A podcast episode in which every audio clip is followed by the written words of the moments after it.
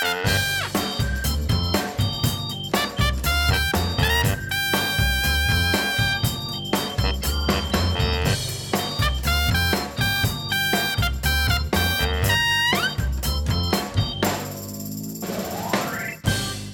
tune heeft weer geklonken. En dat betekent dat de SIP-podcast weer van start is gegaan. We kunnen weer beginnen. Het was eh, wat later dan gepland. Sorry dat ik te laat ben voor de opname. Ja, je stond weer eens in de file, jij hè? Ja, vijf uur opgestaan. We nemen deze podcast altijd eh, op in de ochtend. Ja. Vijf uur opgestaan, kwart voor zes in de auto. Kwart over acht pas op locatie. Jongen, Het was alsof de dievel ermee speelde. Maar Ja. goed, geestelijke strijd, Hoort moeilijk erbij. leven. Dus ik, zit, ik ben nog een beetje in de mineur. Maar ik zal nu mijn vrolijke gezicht opzetten. Doe je goed, doe je goed. Dan kunnen we losgaan. Waar gaan we het over hebben? Nou, we gaan het eh, sowieso hebben over een heel ernstig bericht over een voorganger die eh, zelfmoord heeft gepleegd na Ja. een hele zware depressieperiode. We gaan het ook hebben over de reefmotorische zuil, want daar heeft SGP-senator Diederik van Dijk heel veel spannende dingen over gezegd. Een briljante geest. Ja, zo kun je hem zeker noemen. Maar we beginnen eigenlijk met een eh, toch wel heel bijzonder interview die jij hebt gezien bij Pauw deze week. Ja, transgender gekte zou je het kunnen noemen. Er Ja. was eh, heel veel kritiek rondom Antoine Baudard. Je weet wel, de bekende rooms-katholieke priester Ja. die toch altijd mediageniek is en daar zijn verhaal kan doen over A, het misbruik in de rooms-katholieke kerk, maar ook B, en daar gaan we nu op inzoomen, zijn interview in de Volkskrant waarin hij het had over transgenders. Ja, ja. Nou, daar heeft hij het even kort over gehad, hè, want het was natuurlijk een groter interview. Ja, maar daar is de ophef over ontstaan. Ja, er is op even over ontstaan, want wat had hij gezegd? Hij zegt dat ehm, transgender zijn, of het je laten ombouwen of verbouwen, zoals hij het noemt, dat dat niet goedgekeurd wordt door de kerk en door christenen, want dat zou tegen de natuur ingaan. Ja. En jij hebt je daar ook over opgewonden. Eh, ja, ik heb vooral opgewonden over de reacties daar weer op. Want? Nou, ik zat, ik zat op Twitter te scrollen en eh, iedereen had het over dat, nou ja, niet iedereen, maar veel mensen die zijn over dat interview gevallen. Dus ik dacht, nou, dan ga ik eens eventjes lezen die Volkskrant wat hij heeft gezegd. En het verbaasde mij dat mensen daar helemaal eh, in paniek door zijn geraakt. Heeft helemaal geen gekke dingen gezegd, volgens mij. Want waarom raakt daar die mensen in paniek volgens jou? Omdat eh, dit mensen zijn met een, zeg maar, progressief-liberale insteek. En ik heb, ik heb het idee dat heel veel mensen die zo denken van mening zijn dat we allemaal, zeg maar, hun waarden moeten onderschrijven. Dat je niks meer mag zeggen wat daar tegenin gaat. Ja, dus je bedoelt dat die mensen christen het gevoel geven dat ze niet mogen zeggen, hey, het gaat gewoon tegen de natuur in. Ja, dus als je zeg maar eh, verwijst naar de schepping en naar het feit dat ombouwen, dat, dat je daar vraagtekens bij zet, überhaupt al, dat mensen daar eh, gewoon veel tegen in verweer komen, dat is een teken, een teken van deze tijd. Ja, en het komt over als anti-homo, anti-transgender. Ja, terwijl hij dat helemaal niet bedoelt, want eh, hij zegt ook volgens mij in het interview met Pauw van, eh, dit staat even los van de liefde die we moeten hebben voor, voor transgenders. Ja, Dat gaat hij puur over het feit dat mensen zich eh, laten ombouwen. ja nou, ik vond wel dat de liefde er niet echt in doorkomt bij hem. Ja, maar dat heeft denk ik ook. Ik ben een beetje bang dat Antoine Baudard ook in de loop der jaren een beetje verbitterd is geraakt door het klimaat in Nederland. Want mensen, mensen met zeg maar, zijn mening en eh, zijn achtergrond, die worden helemaal kapot gemaakt. En als je dan even in Italië komt, is een tweede huis, dan voelt hij zich echt in het paradijs. Want daar denken mensen nog veel katholieker en ja, zo. natuurlijk. Daar, daar zijn mensen het gewend dat je zegt dat transgenders, dat dat eh tegennatuurlijk is. Ja, ja, Ja, ik moet wel zeggen dat ik denk dat de meeste mensen vallen over het feit dat hij heeft gezegd dat het tegen natuurlijk is. Want dat stuit natuurlijk heel veel mensen enorm tegen de borst. Die voelen zich toch Ja. een beetje aangevallen door een priester en daarmee ook door de Rooms-Katholieke Kerk. Want de vraag is natuurlijk, is het zo dat als je als man een vrouw voelt, alsof, eh, of als je als vrouw een man voelt, of het echt tegennatuurlijk is? ja. Want ja, laten we even nadenken. Kijk, mannen die zich laten steriliseren. Mhm. Dat is volgens mij ook tegen natuurlijk. Want wij zijn in origine zo gemaakt dat wij gewoon een vrouw kunnen bevruchten als we goed geschapen zijn, om Ja. het zo maar te zeggen. Eh, vrouwen met make-up, ja, die, die doen ook iets met hun natuur. Hè, die, die, die smeren, weet ik veel wat allemaal voor foundations en ze doen mascara op. Dat doen ze ook iets met hun lichaam. Is dat dan ook tegen natuurlijk? Of eh, fabrieken waar we 10.000 kippen slachten per uur, is dat nou ook tegen natuurlijk? Of vliegtuigen. Ik bedoel, ik vind het nogal met het oog op de zwaartekracht tegen natuurlijk dat wij tegenwoordig vliegtuigen de lucht in sturen. Want het gaat tegen de zwaartekracht in. Dus de, de vraag is natuurlijk vooral is het echt tegen natuurlijk. En ik denk dat mensen rondom dat woordje de grootste problemen hebben. Ja. Denk je? Dat, dat zal zeker meespelen. Maar deze mensen vergeten dan te, eh, bij te zeggen dat dit is gezegd in de context van eh, het feit dat Baudard het West-Europa decadent vindt. Dus dat wil zeggen dat, uh, dat hij, hij wees ook naar al die geldbedragen die zeg maar, worden gestoken in de zorg, hè, in mensen die zich laten ombouwen en dergelijke. Ja. Hij zegt dat het kan beter naar arme mensen gaan. Ja, ja en, ik denk die context moet je ook meewegen. Hij, hij bedoelt natuurlijk wel in de zin van dat, we, dat het zoals we het in West-Europa hebben ingericht, dat niet zeg maar normaal is. Ja, maar dan speel je toch het een uit tegen het ander. Want er zijn ook sommige therapieën van ongeneeslijke ziektes die ook 100.000 dollar kosten. En dat steken we dan ook soms in het leven van één persoon. Ja, als je dat geld, die 100.000 euro, naar Afrika stuurt, dan kan je natuurlijk, weet ik veel, voor mensen daar maandenlang eten van geven. Ja, maar dat is toch een kwestie van leven of dood? Het is een kwestie van ombouwen. Ja, maar in het geval van transgenders, kijk, ik snap helemaal dat christenen vanuit de theologie tegen transgenders zijn. In de zin dat ze het zelf nooit zo zouden doen of nooit zo zouden willen. Vooral tegen ombouwen dan, hè? En vooral tegen het ombouwen, geslachtsverandering. Nou, sowieso, heel veel transgenders die bouwen zich helemaal niet om. Hè, die gaan zich alleen vrouwelijk gedragen, ja. gaan vrouwelijke hormonen slikken, bijvoorbeeld als man. Zonder dat ze ook gelijk een hele uh, geslachtsorgaan eraf laten hakken. Maar ik denk dat je ook wel iets meer inlevingsvermogen mag hebben als christenen. Ook als je dus daar in principe tegen bent, zoals de meeste van onze luisteraars.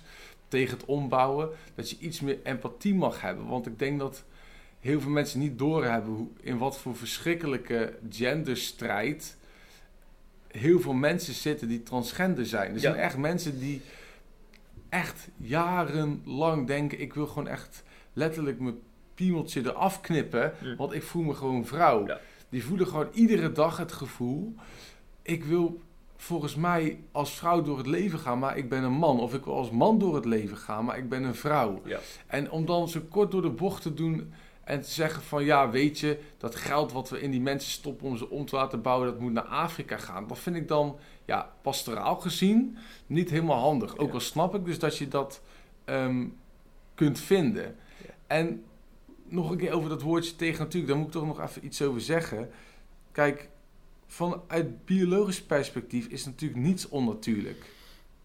Laten we het even uitleggen. Want alles wat mogelijk is, is per definitie ook natuurlijk. Dus echt natuurlijk gedrag, dus dat tegen de wetten van de natuur ingaat, kan simpelweg niet voorkomen. En hoeft dus ook niet verboden te worden, lijkt mij. Want feitelijk alles wat wij doen als mens, dat doen wij vanuit onze natuur. Dus ik denk niet dat je kunt zeggen, het een is wel natuurlijk, het ander is niet natuurlijk. Ik denk, ja, als chimpansees als mannetje met een ander chimpansee mannetje seks hebben, dan is dat natuurlijk gedrag. Dat zit in het natuurlijke systeem dat ze die neiging hebben, in hun biologische systeem. En zo zit het ook in het biologische systeem van de mens. Of je het nou leuk vindt of niet, dat sommige mannen graag als vrouw door het leven willen gaan. Dat ze die gevoelens hebben, dat ze die stofwisseling in hun hoofd hebben, waardoor ze dat gevoel krijgen. Dus ik vind het heel oneerlijk om ja, transgenders apastoraal zo ja, makkelijk weg te zetten. Zonder dat je echt beseft van wat voor strijd die mensen hebben. En B, om het dan onnatuurlijk te noemen, vind ik ook niet helemaal eerlijk. Omdat ik denk, ja, er is niet zoiets als onnatuurlijk gedrag. Want al het gedrag van alle mensen is altijd natuurlijk gedrag. Hm. Zal ik proberen te zeggen? Ja, zeker, zeker. En ik moet denken aan eigenlijk drie mensen in mijn directe omgeving die ik heb leren kennen. Ja. Als transgender. Um, of eigenlijk misschien wel twee en eentje niet helemaal. De eerste is dat ik vroeger naar een bijbelstudie ging en er kwam een transgender. Ja. En toen kwam ik al gelijk achter, wacht even, die transgender, die voelt zich helemaal niet welkom in de kerk. Want die was iedere kerk uitgetiefd zo'n beetje. Daar konden ze er niet mee omgaan dat die persoon uh, van man tot vrouw was geworden. Mm -hmm omdat ze dat gewoon, ja, weet je, ze waren niet mee bekend, ze waren niet aan gewend. En dus die persoon die werd eigenlijk toch, kreeg altijd het gevoel in de kerk, ik mag er niet zijn en ik ben toch niet welkom of ze zien mij toch als ziek. In plaats van dat ik, dat gewoon, dat ik gewoon zo ben gemaakt, dat ik me zo voel. En ja, toen heb ik wel echt gezien, ook al vond ik het zelf toen ook een beetje on, on, niet onpasselijk, maar een beetje ongemakkelijk. Omdat ik zelf ook niet bekend was met transgenders. Dat ja, dat je echt die mensen helemaal welkom moet heten. En ze moet het gevoel moet geven dat ze welkom zijn. En dat God van hen houdt. En dat jij van hen houdt. En ik denk dat het niet helpt om die mensen het gevoel te, te geven, op wat voor manier dan ook, dat die mensen eigenlijk ziek zijn. Of dat ze het geld wat ze in die therapieën stoppen, of wat wij als geld in die mensen stoppen vanuit de gezondheidszorg, dat, dat maar naar arme kinderen in Afrika hmm. moet gaan. Ja. Dus ik heb daar wel echt gezien van, hey, een transgender, een hele lieve man, ehm, die ik toen ontmoette, die moet je echt gewoon helemaal omarmen en aanvaarden met de problemen die die persoon ook misschien rondom zijn of haar gender heeft. Ja. En die, ja, die mensen kunnen, die, die hebben er toch helemaal niks aan als wij als christen dan gaan zeggen, ja, je mag je niet laten ombouwen, dat is onnatuurlijk. Daar hebben zij toch niks aan? Nee, nee, nee, nee, nee. Nee, maar dat zijn inderdaad twee lijnen. Hè?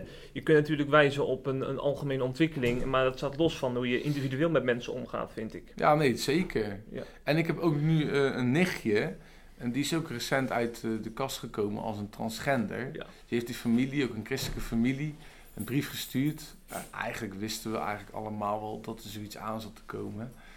Uh, dat zij zich al, ja, en dat weten wij stiekem ook allemaal als familie, zich al vanaf kinds af aan een man voelt of zich als een man gedraagt.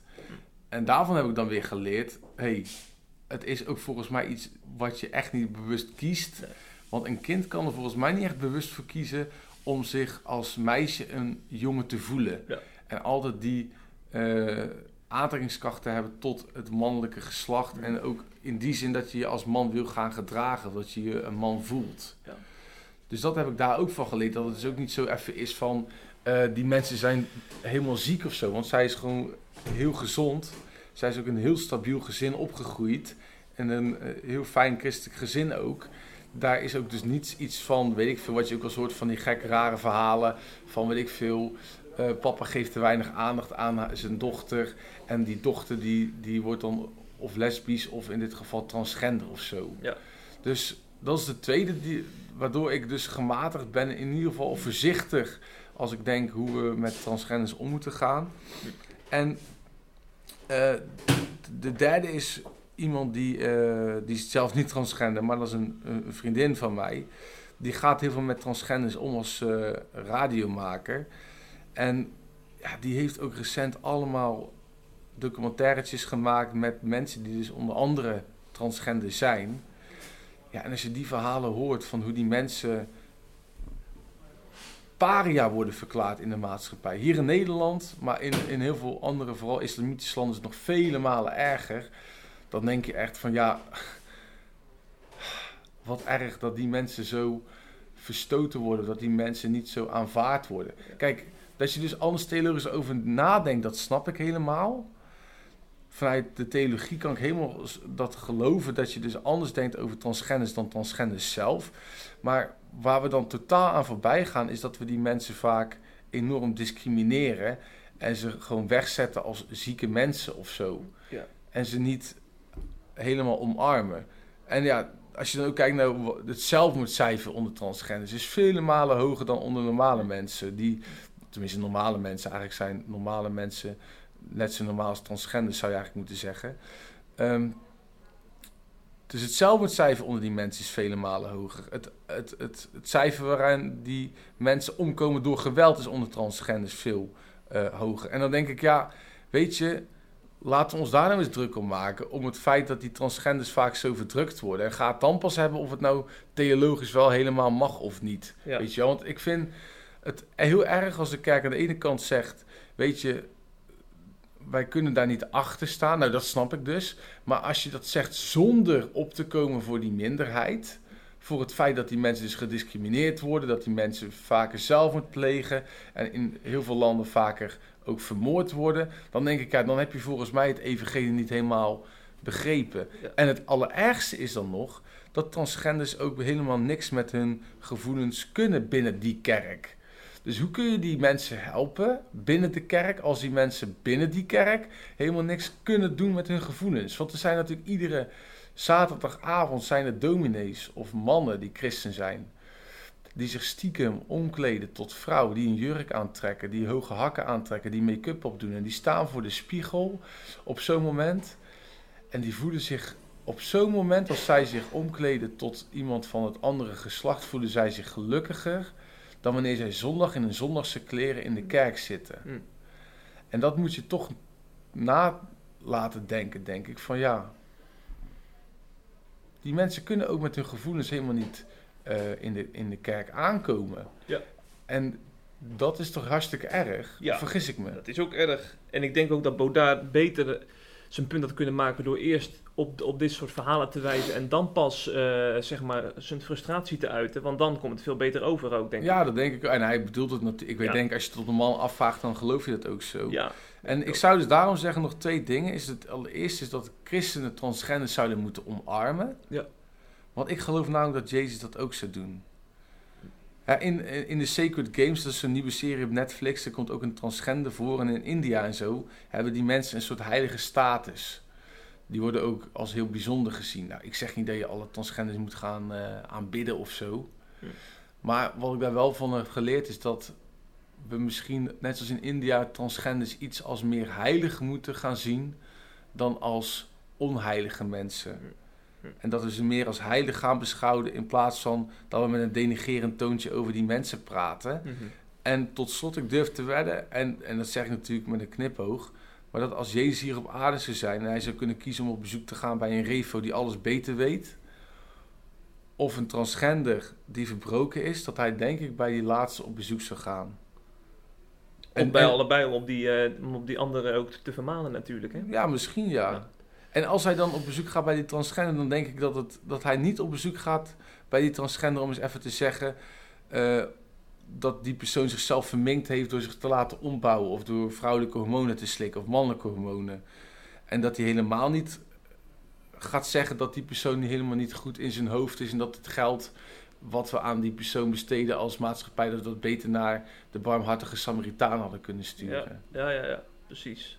Dus ja, ik zou echt zeggen, oké, theologisch, je kunt er dus heel, heel goed zo over denken als Baudard. Mag ook, hè, dus vrijheid van meningsuiting. Maar alsjeblieft, vergeet niet het hele pastorale aspect. Want Ja. ik denk als je mensen pastoraal afschrijft en je zegt ook nog eens dat ze fout bezig zijn, ja, Ja. dan ga je die mensen alleen maar verliezen, verliezen en verliezen. Ja. Nog wel één ding, want waar die Baudard en denk ik veel transgenders het wel over eens zijn, is het feit dat natuurlijk het ermee te koop lopen, bijvoorbeeld op een parade, dat, dat je daarmee heel veel transgenders ook tekort doet.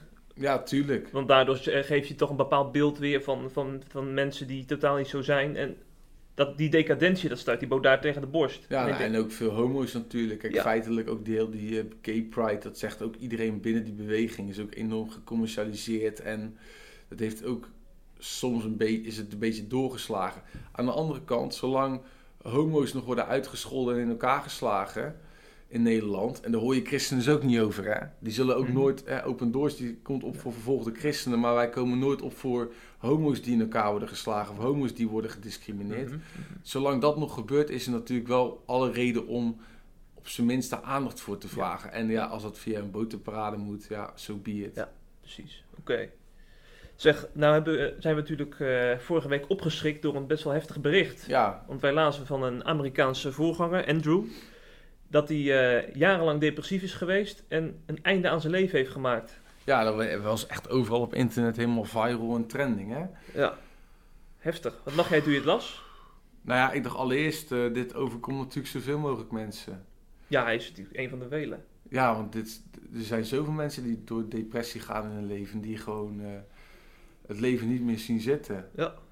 Alleen het feit dat hij natuurlijk een voorganger is en dat doet, en zelfmoord pleegt, dat maakt het denk ik extra bijzonder of opvallend voor mensen. Ja. En dat heeft dus denk ik te maken, maar daar gaan we het niet over hebben, met hoe christenen vaak naar depressie kijken. Ja. Daar kun je meer over vertellen. Ja. ja, want ik heb een beetje het idee, eh, ik loop al een tijdje mee in de kerk, dat wanneer, eh, wanneer, wanneer het over depressie gaat, dat we toch een beetje een beeld erbij hebben van mensen zitten even in een geestelijke dip, of die ervaren God even niet in hun leven. En die moeten dan eh, wat meer stille tijd gaan doen, of eh, die, die moeten misschien eh, wat meer gaan sporten of onder, onder de mensen komen. Ja. Maar daarmee onderschat je echt het probleem, want depressie is echt een, een ziekte. En eh, ik heb het idee dat we, wanneer we denken dat we er meer, eh, meer geloof in moeten pompen in die mensen om ze op te krikken, dat we dan eh, die mensen echt heel erg tekort doen. Ja, Want dan ga je dus voorbij aan, aan, de, aan de ziekte die zij ervaren.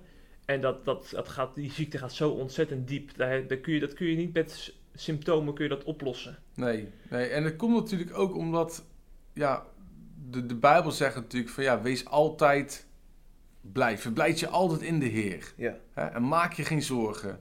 En wees niet bevreesd. Allemaal hele duidelijke opdrachten. Waarvan een christen dan denkt: oh, dus dat moet ik zo voelen. Hè? Ik, ik moet me altijd verblijden in de Heer. Ik, ik moet me nooit zorgen maken, want dat heeft Jezus toch gezegd. En ik hoef ook nooit bevreesd te zijn. En dat is juist zo lastig als je depressief bent. Want dan, dat is een ziekte. Hè? Dus daar kun je niks aan doen. Daar is ook wetenschappelijk bewezen dat mensen daar soms meer aandacht voor hebben dan anderen. Dat is gewoon genetisch bepaald. Maar als je dan dus die, die, die drie dingen niet kunt doen die ik net noemde, Mhm. je verblijden, je geen zorgen maken en niet bang zijn, dan denk je dus, oh, ik faal. Ja. Ik ben niet goed genoeg christen op dit moment. Maar ja, het hele ding is, we moeten dus snappen als christen dat die opdrachten weliswaar in de Bijbel staan om die drie dingen te doen. Maar dat uiteindelijk depressie gewoon een ziekte is. Kijk, het, eh, als je mensen vraagt, wil je alsjeblieft proberen te stoppen met depressief zijn? Dat is een beetje hetzelfde als je tegen iemand die net neergeschoten is eh, zegt, wil je alsjeblieft stoppen met eh, bloeden? Hm. Ja, Right? dat gaat het niet worden. Nee, dat gaat niet lukken. Dus ja, we kunnen dus ook wat jij zegt, niet even met een beetje positiviteit of met een geestelijke staaf mixen, jezelf opkloppen Ja. en je zo op die manier ontworstelen uit je depressi- depressiviteit. En ik heb het ook nog, trouwens nog nooit meegemaakt. Ja. Dat iemand die echt ehm, heel depressief is, dat hij door een gebedje of zo even wordt genezen. Nee. Je, je ziet het wel eens dat mensen dan, dat er voor ze wordt gebeden dat ze zich even beter voelen. Maar echt mensen die echt op de put, in de put zitten, echt op de diepste put van de burn-out van de depressie. Nou, in al die jaren CIP heb ik nog nooit meegemaakt dat, dat er even voor die mensen wordt gebeden en hoppa, Ja. eh, die persoon is wonderbaarlijk weer helemaal op de top van zijn leven, weet je wel. Die straalt van oor tot oor. Hm. Nee, het lijkt er toch meer op dat depressie echt moet overwonnen worden door het soort van uit te zitten. Net als bij een burn-out, weet je. Je bent opgebrand en je kunt eigenlijk niets anders doen dan, ja, eigenlijk wachten tot je weer nieuwe energie krijgt. En soms duurt dat een week, soms duurt dat een jaar, maar soms gebeurt dat niet. Nee. En dan kan het gebeuren dat mensen zelfmoord plegen. Ja, ja, en dan ben je dus, heb je dus zelfs, ben je als, zelfs als je onderdeel bent van een hele fijne kerk en een gezin met drie kinderen en een leuke vrouw, zelfs dan kun je dus een einde aan je leven maken, hè? Zoals Ja, in- nee, in zijn tuurlijk. geval. Ja, want het, het zit gewoon in je hoofd, man. Ik, kijk, mensen denken wel eens die Rick is heel positief doorgaans. Ik wil dat heel positief. En die verwarren dat soms dan met dat Rick ook vervuld is met de Heilige Geest. Ja. Ja, maar dat is niet zo. Het is ook gewoon bij mij misschien eerder 95% aanleg dat ik gewoon wat sneller positief ben. Als ik, als ik lekker in mijn vel zit trouwens ook hoor, dan ben ik echt heel positief. Hm. En maar 5% dat het is dat ik nou per se zo dat het de Heilige Geest is of zo. Maar ja, dat is dus het lastige. Dat mensen denken, ja, als ik maar de Heilige Geest heb, dan ben ik helemaal vol blijdschap. Als ik maar vol van God ben, dan ben ik helemaal zorgeloos. Als ik maar vol van de Heilige Geest ben, dan heb ik geen angsten meer. Ja, en dat is dus het hele, het hele probleem. Dat heel veel van die mensen die depressie hebben, die, gaan, die strekken zich daar dus naar uit. En dan blijft hun antwoord, hun gebedsantwoord, blijft, dat blijft ook uit. Dat gebeurt dus niet. Hm. Ja, en dan is het christelijk geloof eerder een last voor je depressiviteit dan dat het een lust is. Dat, Ja. je, dat, dat, dat je er iets aan hebt. Ja, zeker. En ik Ja. heb het ook wel eens meegemaakt trouwens dat iemand die eh, gevoelig was voor manisch depressiviteit, dat, dat er een, omdat die toch ook wel een beetje onder invloed van een eh, charismatische bekende spreker die heel veel mensen wel hier kennen, maar die ik hier niet bij naam ga noemen, dat die stopte met medicatie. En eh, niet lang daarna dacht hij, die, eh, dacht, dat, dat- hadden we een geprinte van Gogh gehaald bij de kringloop, weet je, Ja. zo'n neppet. Zaten we in de auto. En toen dacht hij dat we achtervolgd werden door eh, mensen die die van Gogh wilden jatten. Want hij dacht namelijk, die van Gogh is namelijk echt. Ja, precies. En hij dacht Ja. ook nog eens, er zit een bom onder de auto. Heeft hij echt de auto aan de kant van de snelweg gezet. Zo. Dus dan zie je ook dat soms, ja, dat het ook levensgevaarlijk is om tegen mensen met depressie te zeggen, ja, weet je, God gaat je genezen en je moet in je genezing gaan staan. En dat soort dingen hoor je dan. En dat die mensen dan toch een beetje stiekem onder invloed van eh, die charismatische mensen, terwijl ze al zo zwak zijn psychologisch, Ja. dat ze zich dan eigenlijk ja, zichzelf echt in een put gooien, om het zo maar te Ja. zeggen. Ja. Alles onder het mom van het, het, het christelijke sausje, Hm. wat dan gaan in, staan in je geloof heet. Ja. En wat natuurlijk net zo gevaarlijk en, eh, fout is, vind ik, dat we mensen met een depressie gaan ontlopen. Want dat zie ik ook wel eens. Want dan, dan weten we, dan weten de, de kerk of de omgeving ervan. En dan durven we die persoon durven we niks meer te vragen. Want dan we, we weten geen raad met, eh, met die depressie van die persoon. Maar dat is eigenlijk net zo dodelijk. Want daarmee geef je ook een signaal af van je mag, eh, je, je verhaal doet er niet toe. En we weten niet wat we met, je- wat we met jou aan moeten. Dus, Ja. eh, Ja. en da- daarom denk ik ook wel zo'n huiskring. Hè? Veel kerken kennen huiskringen. Dat is echt, volgens mij is dat eh, echt eh, een redmiddel voor heel veel van deze mensen. Want dan is er in ieder geval een veilige omgeving waar ze gewoon mogen zijn wie ze zijn. En er wordt er altijd naar hun geluisterd. En, en, en je weet gewoon, de, de volgende woensdag, dan ben ik er weer en dan ben ik weer onder de mensen. En z- zij kennen mij, ik mag, ik mag mijn verhaal Ja. aan hen kwijt. Ja, dat is ook zo. Ja, ik denk de huisgroepen sowieso, community is altijd het beste, weet je. Ik denk als je... Soms ben ik ook wel eens down en ik heb gelukkig dus geen depressies, maar ik voel me ook wel eens down. Ja. En dan is het zo fijn om mensen om je heen te hebben die dan je bemoedigen of die gewoon naar je luisteren of die er echt voor je zijn en die je lief hebben. En als je het dan combineert helemaal met gewoon gezond eten, met echt proberen goed te slapen, met leuke dingen doen, met sporten, ja, dan kun je wel gewoon gelukkig eh, goed ermee omgaan. Tenminste, dat heb ik ook gelezen voor men, bij, over mensen die echt depressie hebben. Dat dat soort dingen werken gewoon heel goed. Zeker. Maar ja, helaas, ja, dat moet wel gezegd worden. Dat soms tot een zekere hoogte. En kun je alles doen wat in je eigen macht ligt om je depressie te bestrijden. Maar soms kom je gewoon niet verder. Nee, en je hebt geen garanties hoor. Nee, absoluut niet. Nee. Absoluut. We kennen allebei mensen die daarmee te maken hebben gehad. Maar ik, ik zou daar ja, concluderend over willen zeggen. Zie echt in de kerk depressie echt als een ziekte. En behandel het ook zo. Dus Ja. ga het niet tot een man afspelen van ja, je, je kunt je daar wel even uit ontworstelen. Door nog meer te bidden of nog meer je, je zicht op Jezus te, te richten of zo. Ja. En don't pray it away. Dat is, bidden is helemaal prima, maar probeer niet in eerste instantie het alleen maar via gebed en dat soort geestelijke toestanden eh, uit je leven te bannen. Want dat gaat gewoon waarschijnlijk niet lukken.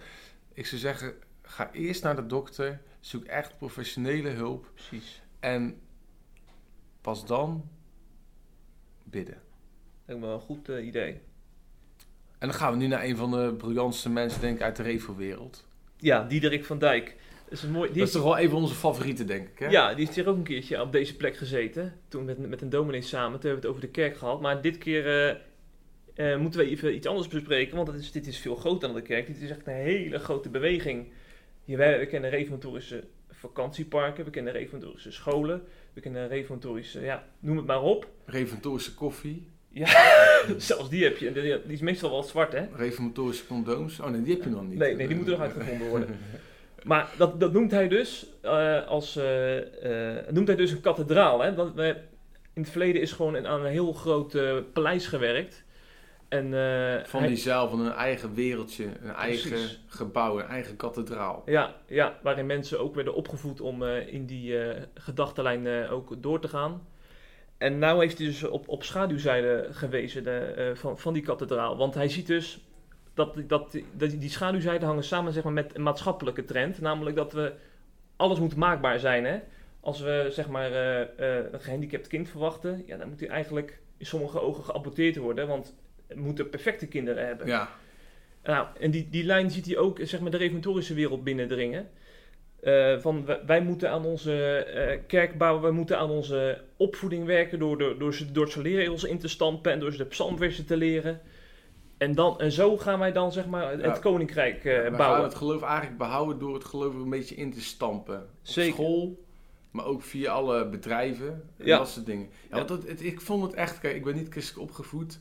En dan als je in het echte christelijke wereldje rolt, helemaal via CIP natuurlijk.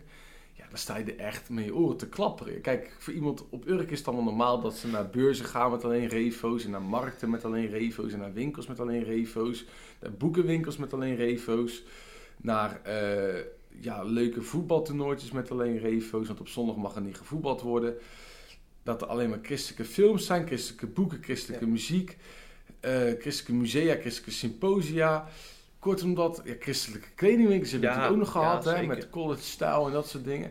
Kortom, dat die mensen, ondanks dat ze in een, van de meest seculiere landen leven van Europa, want dat zijn we toch wel, hè, we zijn toch best wel seculier geworden, dat die mensen kennelijk toch in een soort ja, christelijk walhalla leven op een of andere manier. En dat heb ik altijd echt ja, mateloos gefascineerd, eh, fascinerend gevonden. Dat ik echt dacht, wow, wat is dit joh. Ja, ja. En ja, hij heeft daar dus ook wel een beetje kritiek op dus. ja zeker. Maar wat vindt hij dan wat we daaraan moeten doen? Want wat is er nou precies zo fout aan dan? nou, het, aan fout, die christelijke bubbel, om het zo maar te noemen. het foute eraan is dat eh, op een gegeven moment kun je het alleen nog maar van, van eh, zeg maar je reformatorische eh, school of van je zeg maar van, van menselijke dingen verwachten. Terwijl natuurlijk het gaat veel, moet veel dieper gaan. Hij wees bijvoorbeeld op Stefan Sanders. Dat is een, iemand uit de grachtengordel. Ja, Die is, eh, die is tot geloof gekomen. En eh, hij- daardoor heeft hij ontdekt dat, dat eh, eh, zeg maar op het geloven zelf al ligt, ligt een enorm taboe. Waarom? Om, op de grachtengordel wordt geleerd dat wij het leven zelf moeten, moeten maken. Hè? Dat wij, wij moeten zelf eh, wat van het leven maken. En ja de daardoor enige is- zin die je aan het leven kunt geven, is de zin die je er zelf aan ontleent. Ja, ja. En want, want het gevolg daarvan is dus dat, dat het heel moeilijk is om je over te geven aan de hogere macht, aan God zelf. Ja, Dat heeft die Sanders heeft daar heel lang over gedaan.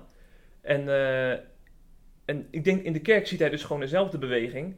Hoe meer we zeg maar eh, proberen om, eh, om zelf die toren van Babel te bouwen, door dichter bij God te komen met onze reformatorische zuil en onze eigen de Dordtse leerregels en noem maar op. Hoe moeilijker het, het is om je echt in geloof over te geven en van, van de Heilige Geest te verwachten. ja, En ik denk dat hij daar wel een heel, eh, heel, heel, goed, heel goed punt heeft. ja. ja, we proberen denk ik vaak het christelijke geloof christelijker te maken dan het is. Ja, dat idee heb ik wel eens. Dat is het hele punt, toch? Ja, ik vraag me ook wel eens af bijvoorbeeld over die christelijke bubbel, hè. Van ja, wat hebben we nou... Is, ik zie het toch soms een beetje als een bubbel die op het punt staat doorgeprikt te worden. Eh, ik ben, kijk... eh, wat nou een goede is... Wat heb je nou eigenlijk van de grote opdracht begrepen, hè, met z'n allen? Als je nou met z'n allen op Urk blijft wonen. Dat is een vraag die ik me stel. Of, wat heb je nou eigenlijk van Jezus begrepen...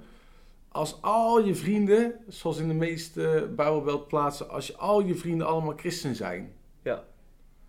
En wat heb je van genade begrepen als iedereen die anders denkt dan jij, zegt of beslist, dat je die in je refocrant vol dogmatische zekerheden eh, gaat afmaken? Mhm. Dat valt me zo op, dat ik denk, ja, maar wacht even, wij leven met z'n allen in die christelijke bubbel. Wij wonen allemaal on- onder christenen, terwijl Jezus volgens mij heeft gezegd, hey, ga nou eens naar al die volkeren toe. Ga nou eens naar die Maak ongelovige buurman toe. Ja, eh, al je vrienden zijn eh, christen, maar Jezus zijn vrienden, het waren allemaal soort van niet-Joodse eh, mensen die niet voldeden aan het Ja. beeld van de meest geestelijke persoon. Ja. Jezus was altijd bezig met mensen die anders dachten dan hij. En die was hij absoluut niet bezig om die nou af te branden. En wij doen dat meestal wel. Wij gaan alleen maar tegen D66 in. En als weet ik een of andere seculier persoon iets zegt wat we niet fijn vinden, dan gaan we die helemaal af, afzeiken. Ik zeg het even hard, in een krant. Terwijl ik denk, ja, maar wat Jezus deed is eigenlijk vriendschap sluiten met zo'n persoon. En daarmee in gesprek gaan. Dus ja, ik, ik sta er altijd al van te kijken dat eh, we het zo georganiseerd hebben. Wat ik dan helemaal interessant vind is dat wij hebben natuurlijk ook te maken met de crème de la crème van christelijke sprekers. Hè? Ja. Dus dat noemen wij de eredivisiespelers, de christelijke eredivisiespelers. Ja. Ja. Het zijn allemaal grote mannen die wij met z'n allen ja, heel veel lof geven als ze een mooie preek houden. En ik ga ook met heel veel van die mensen om. Ook omdat het hartstikke leuke mensen zijn natuurlijk. Maar ik heb zelfs wel, wel eens gevraagd van... Hé, hey, wat deed Jezus nou eigenlijk? Ging hij nou vooral met christenen om of met niet-christenen? En dan zie je toch vooral... Ja, weet je, hij, hij richt zich toch vooral op de mensen die een beetje buiten de kerk... buiten het Joodse geloof stonden. Ja. En zei ik, het is toch opvallend dat jullie al die christelijke bobo's allemaal alleen maar bezig zijn met, we gaan naar conferenties. Dus we komen echt letterlijk de kerk haast niet uit. En we hebben ook alleen maar vrienden binnen dat christelijke cultuurtje. Dus we hebben ook echt geen niet-christelijke vrienden. En die zijn, misschien 5% van de vrienden die die mensen hebben zijn niet christen. En ik dacht, ja, maar, wat, maar jij bent dan een soort van de plaatsvervangende Jezus. Mhm. Toch? Want jij bent een grote spreker. Jij bent degene die als het ware, zoals Jezus de Bijbel boodschap verkondigt. Maar toch leef je compleet anders op al die vlakken dan Jezus zelf. Ja. Ja, dat stemt me echt wel tot nadenken. Dat ik denk van ja, hey, hoe zit het in mijn eigen leven? Want ik steek ook natuurlijk de hand in eigen boezem. En ik ben ook wel eens bang dat als Jezus terugkomt, hij niet zozeer de ongelovigen in de hel werpt. Hè, die, die eh, weet van de moslims of zo, eh, of de PVV-stemmers die zeker niet zijn. Maar dat wij als christenen er als eerste aan moeten geloven. Omdat wij ons gedragen als fariseeërs. Ja. En dat zeg ik echt met de hand in eigen boezem hoor. Want ja, we staan denk ik toch als christenen vaak verder af van Jezus dan we denken. En vanaf ja, van die essentie waar het echt om gaat. Hmm. Ja. En ja, ik denk ook dat Jezus, als hij al een bubbel door gaat prikken als hij terugkomt, dat het misschien niet eh, de goddeloze bubbel is, maar de christelijke bubbel. En ik denk dat het onze uitdaging is om, als je in die bubbel zit, of als je denkt, hé, hey, ik zit in die bubbel, dan kun je twee dingen doen. Je kunt nog of proberen door echt door die bubbel heen te kijken. Maar dat is een beetje lastig, hè? want je weet hoe een bubbel eruit ziet. Als je daar doorheen kijkt, je zit erin, Hm. dan zie je ook de wereld buiten jou, zie je niet in het juiste perspectief. Nee, nee, nee. En dat probleem hebben heel veel christenen. Die zitten in de bubbel, maar zoals je een bubbel ziet en je weet als je er doorheen kijkt dat het, het, het beeld vervormt, Hmm. zo is ons beeld van de wereld en van de buitenwereld vervormd geraakt omdat wij in die bubbel zitten. Ja. Maar goed, dat kan je doen. Je kan proberen door die bubbel heen te kijken. Maar ik denk dat het tweede nog het beste is om te doen, is dat je probeert die christelijke bubbel waar jij in zit, probeert door te prikken. Ja. En als je een bubbel doorprikt, dat is heel grappig, dan krijg je een soort spetter, hè? Dan opeens heb je weer een spetterend leven en zie je als christen, hé, hey, ik sta niet buiten de wereld. Of ik sta niet in mijn christelijke subcultuur, maar ik sta gewoon midden in de wereld. En in die wereld wil ik christen zijn en wil ik laten zien waar het christelijk geloof echt om gaat. En dat gaat dus niet om die kathedraal. Die kathedraal is alleen voor de zondag, om het zo maar te zeggen, toch? En van maandag tot en met zaterdag zouden wij niet in die kathedraal Nee. moeten zijn, maar in de wereld. Precies. En ook eigenlijk in Mark Rutte nog ook een heel goed advies voor ons christenen. Hij zegt, hij is toch van doe normaal. Ja, doe toch eens normaal. Ja. Doe normaal, man. La- laten we dat nou eens gewoon gaan doen. Laten we gewoon eens... eh, eh, ik, ik heb pas een keer gehoord dat iemand... Dat er een, een muziekband was in de kerk. Die hebben een auditie eh, uitgeschreven voor mensen... Die, om nieuwe we- mensen te werven in het muziekteam van de kerk. Ik denk, waar, gaan we heen met z'n allen, joh? Gaan we dan, eh, gaan we dan de perfecte kerkband met z'n allen op, op touw zetten... om zeg maar eh, mensen, mensen zo aantrekkelijk mogelijk beeld van de kerk te scheppen? Ja, weet dat zeker. Ja, dat is het hele, het hele probleem van iedere kathedraal.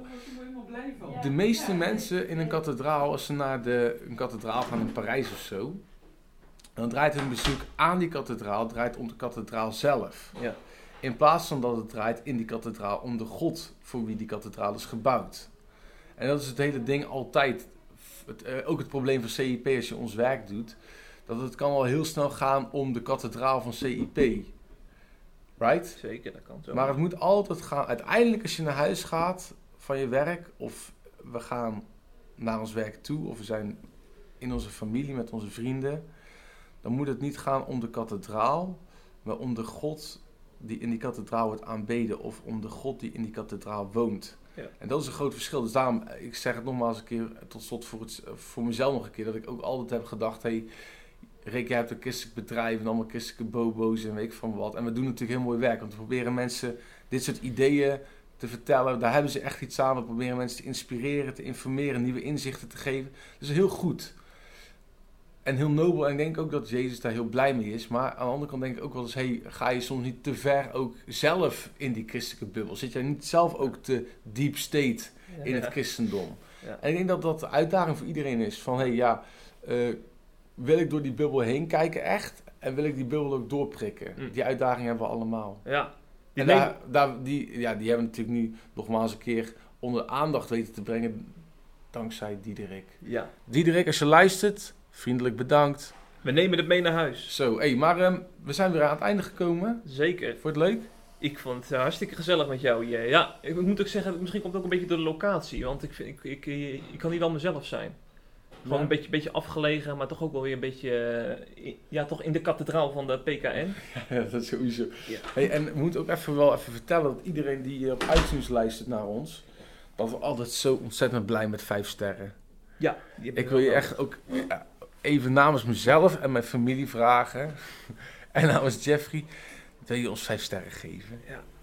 Dan is onze dag weer helemaal goed. hè? Ja, dat is hetzelfde dat je een donut krijgt, weet je wel. Dat gevoel dat je dan een- donut krijgt, en helemaal lekker mag opeten. En zo blij word ik ook altijd als ik zie, we hebben weer vijf sterren gekregen. Juist.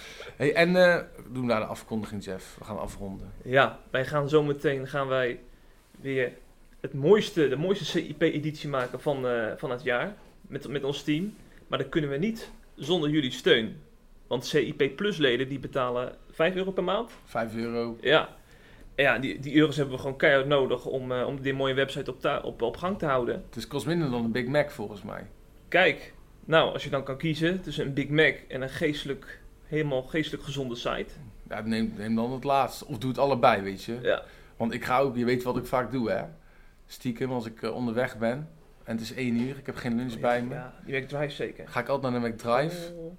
En dan koop ik altijd een kleine McRocket. Ja, gewoon een McRocket, je hebt geen klein of groot. En een kleine milkshake, vanille. Ja, daar heb ik nu alweer zin in. En dat kost ongeveer ook hetzelfde als eh één keer C plus, voor een hele maand C plus eh, bekijken. Ja. En eh, nieuw tegenwoordig is cip.nl slash video. Daar vind je al onze video's. Dat zijn er meer dan 250 inmiddels. Met de meest inspirerende christenen van Nederland. Super. En daar kun je ook naar kijken als je CIP Plus lid bent. Nou, tot ziens. Heb een fijne dag. Veel plezier. Doe je familie de groet als je hebt geluisterd. Namens Rick Bokeman en Jeffrey Schipper. En tot de volgende keer. Adi, tjoe maar komen. Adios.